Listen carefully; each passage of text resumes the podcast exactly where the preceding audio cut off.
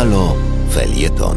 Przed mikrofonem Jarosław Włodarczyk, sekretarz generalny Międzynarodowego Stowarzyszenia Press Klubów. Zwykle w felietonach staram się unikać tematów krajowych, bo i tak nazbyt rzadko spoglądamy dalej, tak jakby świat poza Polską nie istniał. Ale czasem zdarza się coś na tyle ważnego, że nie sposób to pominąć, nie sposób o tym nie porozmawiać. Tak było 10 lutego podczas ogólnopolskiego protestu wolnych mediów pod hasłem Media bez wyboru przeciwko propozycjom rządu wprowadzenia mediom dodatkowego podatku. Tak się dzieje i teraz. Kiedy Orlen ogłosił pod koniec stycznia zakup prasy i portali regionalnych, pojawiły się głosy, że to upartyjnienie kolejnej po mediach publicznych części rynku informacji.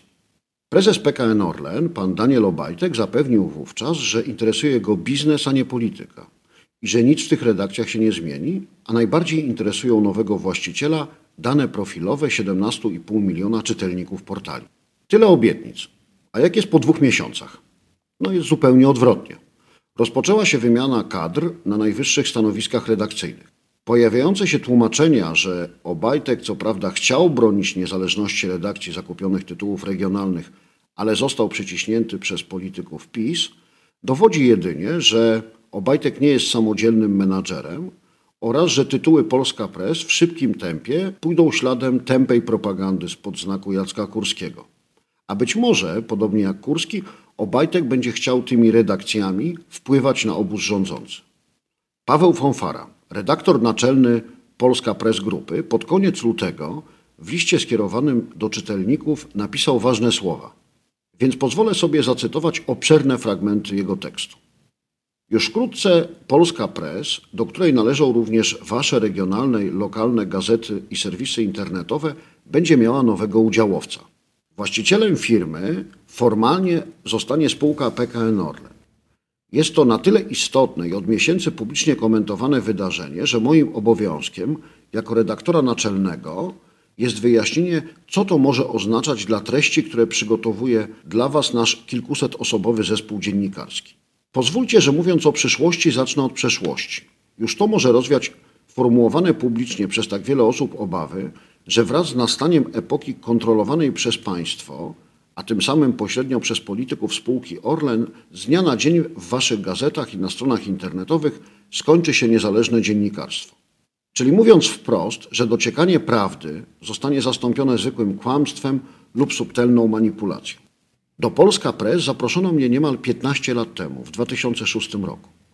Podczas rozmowy z właścicielem postawiłem jeden warunek. Dołączę do firmy, ale tylko po zapewnieniu całkowitej niezależności dla mnie i podlegających mi redaktorów. Zapowiedziałem też podczas tej rozmowy, że w przypadku jakichkolwiek prób wywierania nacisku przez wydawcę na kształt treści dziennikarskich ujawnię taki fakt publicznie. Minęło 15 lat i nigdy nic ujawniać nie musiałem. Przez te wszystkie lata nie doszło do takiej sytuacji. Właściciele, rodzinna firma z niemieckiej Bawarii, zawsze respektowali ustalenia o całkowitej niezależności dziennikarskiej. A uwierzcie mi Państwo, bo jestem w tym zawodzie od ponad 30 lat, tak ortodoksyjne podejście wśród różnych wydawców nie jest zawsze standardem. Przy tej okazji prostuję więc również powtarzane w ostatnich latach przez niektórych skrajnych polityków zwykłe kłamstwa na temat rzekomego braku naszej niezależności. To uczciwe i niezależne dziennikarstwo zbudowało zresztą podwaliny sukcesu. Portale internetowe Polska Press Grupy, wywodzącej się przecież z tradycyjnych prasowych tytułów, są dziś w większości regionów zdecydowanymi liderami rynku. Natomiast gdy zsumować wszystkie zasięgi, należymy do pierwszej piątki największych potęg medialnych w polskim internecie. Koniec cytatu listu Pawła Fonfary. Szkoda mi uczciwych dziennikarzy z mediów regionalnych, którzy będą teraz łamani i to w sytuacji, kiedy szaleje pandemia, o pracę trudno, a w mediach w mniejszych miejscowościach pracy zwyczajnie nie ma. Szkoda mi czytelników, bo stracą dostęp do nierzadko ostatnich źródeł niezależnych informacji w swoim regionie.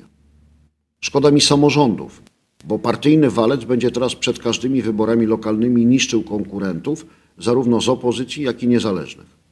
Szkoda mi też Polski, bo bez wolnych mediów i niezależnych dziennikarzy demokracja szybciej przeradza się w autorytaryzm.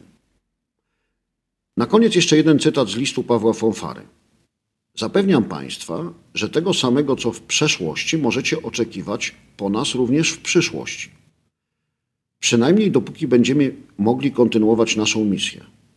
I to nawet gdyby z jakichkolwiek powodów miała ona potrwać już tylko miesiąc czy choćby jeden dzień.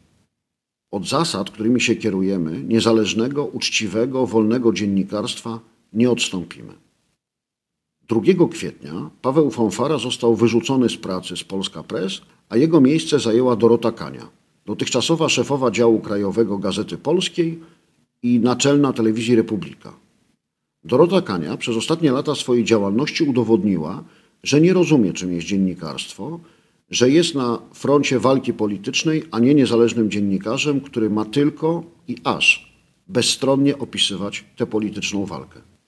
A Państwa zachęcam, abyście we własnym interesie wspierali wolność słowa, niezależnych dziennikarzy i wolne media.